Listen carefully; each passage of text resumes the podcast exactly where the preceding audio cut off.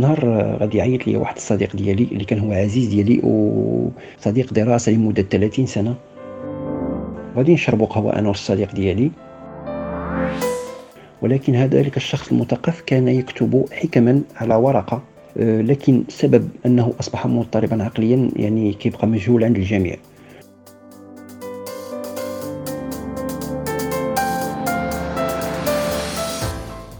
نختار الطريقة. وليس الطريق. كتبها مرة عبد الصمد الحرش المدون والسيناريست المغربي بإحدى مقالاته يلي تحدث فيها عن صعوبة الاختيار. وصفه بأنه الفن الذي نرسم به حياتنا وكأي فنان يحترم فنه ويحترم نفسه كذلك يجب أن يكون اختياره نابعا من معرفة ذاتية لنفسه لتتناسب اختياراته مع مكوناته النفسية والروحية.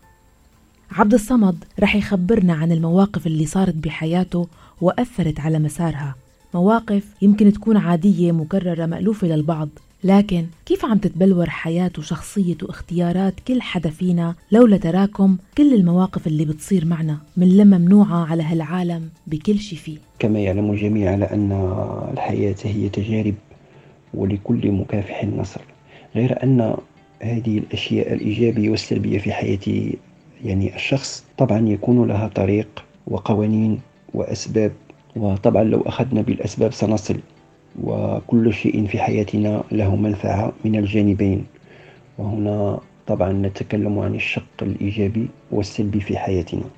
غير أن في حياتنا طبعا وفي حياة كل واحد منا يكون له شخص قدوة. وأريد أن أتكلم هنا عن الشق السلبي في في حياتي. في مرحلة البكالوريا يعني توفي قدوتي في الحياة الذي طبعا هو السند وهنا نتكلم عن الوالد.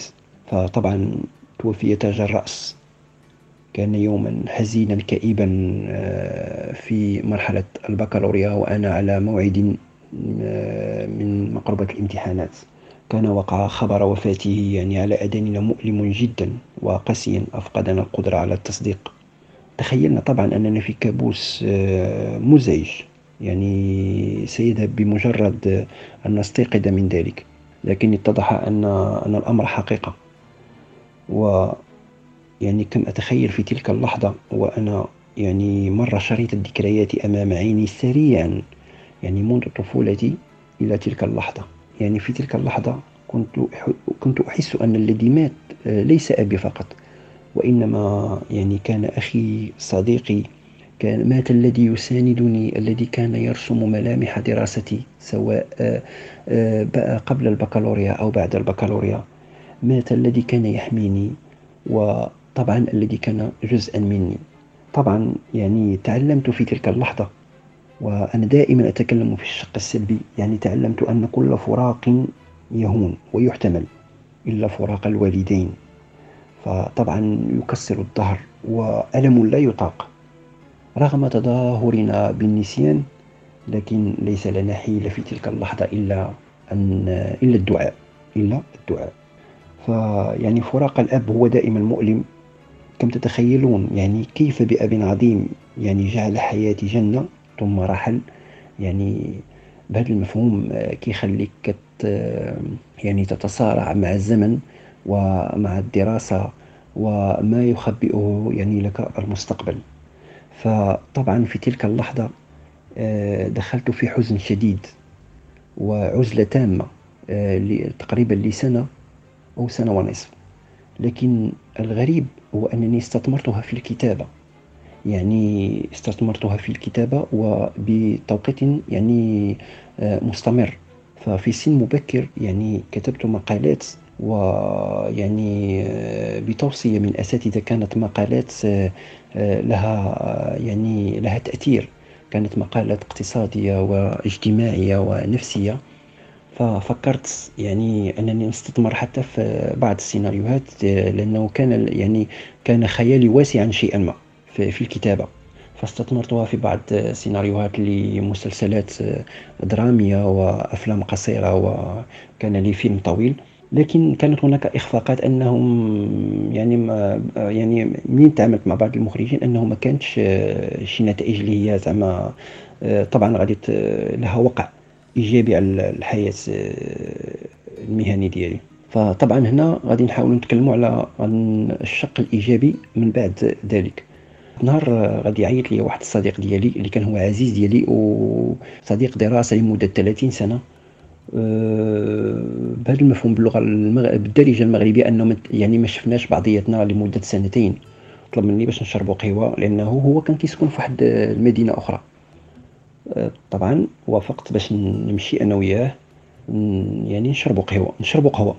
ومشينا والغريب يعني الجميل في الأمر ليس الغريب هو أنه مشينا لواحد المقهى كان كي كيدوز من يعني كيتمشى منها يوميا واحد الشخص كان معروف عند العامة ديال المدينة أنه كان مثقف آه، لكن سبب أنه أصبح مضطربا عقليا يعني كيبقى مجهول عند الجميع.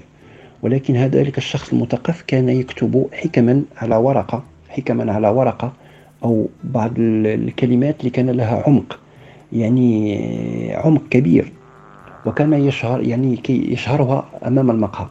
في هذاك النهار غادي نشربوا قهوة أنا والصديق ديالي. فإذا به كيجي قدامنا هذا ذلك الشخص ذلك الشخص وكيكتب واحد الجملة وكيشهرها قدامنا. فورا يعني شفت هذيك الجملة آه، شفت السيناريو ديال فيلم آه، شفت السيناريو ديال الفيلم درست الفكرة في مدة دقيقتين. يعني شفت السيناريو درست الفكرة يعني أمام عيني. سجلتها في ورقة. يعني طلبت النادل جاب لي الستيلو وسجلتها يعني في ورقة. رجعت للدار يعني المنزل خدمت على الفكرة. خدمت على الفكرة كتبتها. كتبتها.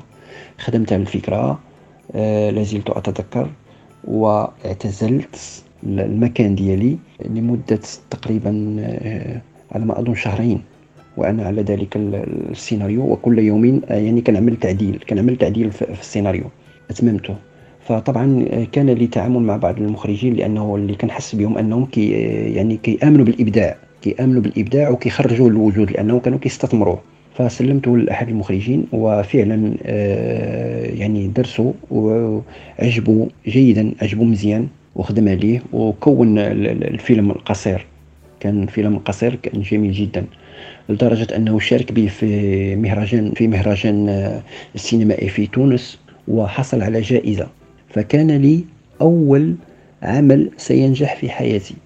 فيعني تلقيت الخبر من تونس آه، بفوز آه، فيلم القصير بالجائزة. كان يعني يوم يعني مفرح عندي كثيرا لأنه أحد الأعمال ديالي يعني توجت بجائزة. وأنا يعني في سن مبكرة في الكتابة. وطبعا آه، تلك الواقعة كانت لي يعني نجاحا بداية نجاح بداية نجاح في مساري يعني آه، الإبداعي الأدبي. وأعطتني بصمة يعني أعطتني بصمة في بصمة مميزة عند المخرجين والمنتجين. وطبعا ذلك الشخص يعني إلى يومنا هذا كان يعني فال خير علي. صراحة أقولها وأكررها كان فال خير علي. ودائما كانت يعني كان مي كنتلاقاه في المدينة آه، يعني كنعنقو كنسلم عليه لأنه فعلا كان فاعل خير علي وعلى مستقبلي. العبارة يلي ألهمت عبد الصمد وخلته يكتب هذا السيناريو كانت الوجود صراع وهو اختار عنوان للفيلم رسائل في الحياة. فطبعا هذا كان شق إيجابي بالنسبة إلي. وكما يعلم الجميع على أنه الفكرة لا تقدر بثمن. يعني ما لم تجد الفهم الصحيح من صاحبها. يعني كما يعني يعني كما يعلم العامة على أنه لا لا يوجد عباقرة بالفطرة. بل نحن من نجتهد ونسعى لتحقيق ما نؤمن به يعني في أنفسنا ولمن حولنا. وطبعا يعني كنتمنى من الجميع على أنهم آه، ما يامنوش آه، يعني بالفشل دائما المحاولة. المحاولة يعني حتى تصيب الهدف. وكما يعلم الجميع يعني وأكرر على أن الحياة هي تجارب ودائما لكل مكافح نصر. ودائما أكرر لكل مكافح نصر. أن تكون لك العزيمة والإرادة القوية يعني ستصل وستصل لهدفك. لذلك يعني حابين نشارك معكم هذا الشقين الإيجابي والسلبي اللي غيروا المسار ديال حياتي في الدراسي والمهني. وكنتمنى من المستمعين أنهم يعني يخرجوا بواحد النقطة واحد النقطة مفيدة لأنهم يوصلوا على أنه ما كاينش شي حاجة اللي تقدر يعني تربطك. دائما كاينة الإرادة وكاينة العزيمة القوية يعني باش غادي يوصل الإنسان. إلا كانوا عندك هذه الأشياء اللي هما يعني آه كيتوفروا فيك فكن على يقين على يقين أنك ستصل لهدفك الصحيح. وأشكركم وأشكر الاعلاميه مها آه ويعني كنتمنى الله يبعد علينا وعليكم هذا الوباء ويشفي جميع المرضى.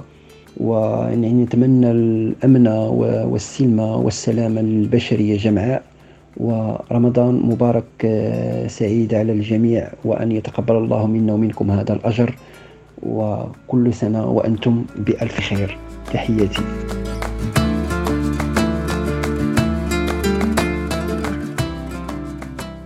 شكرا لعبد الصمد وشكرا لكم على حسن الاستماع. شاركونا وخبرونا قصصكم شو هي المواقف اللي صارت معكم وتركت أثر وغيرت بشخصياتكم.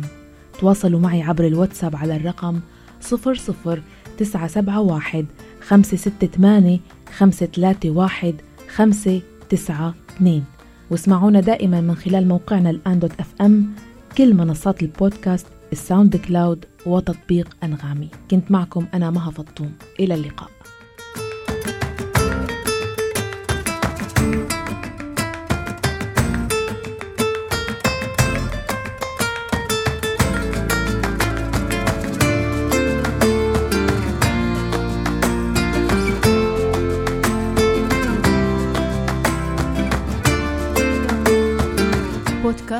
صارت معي. مع مها فطوم على راديو الآن.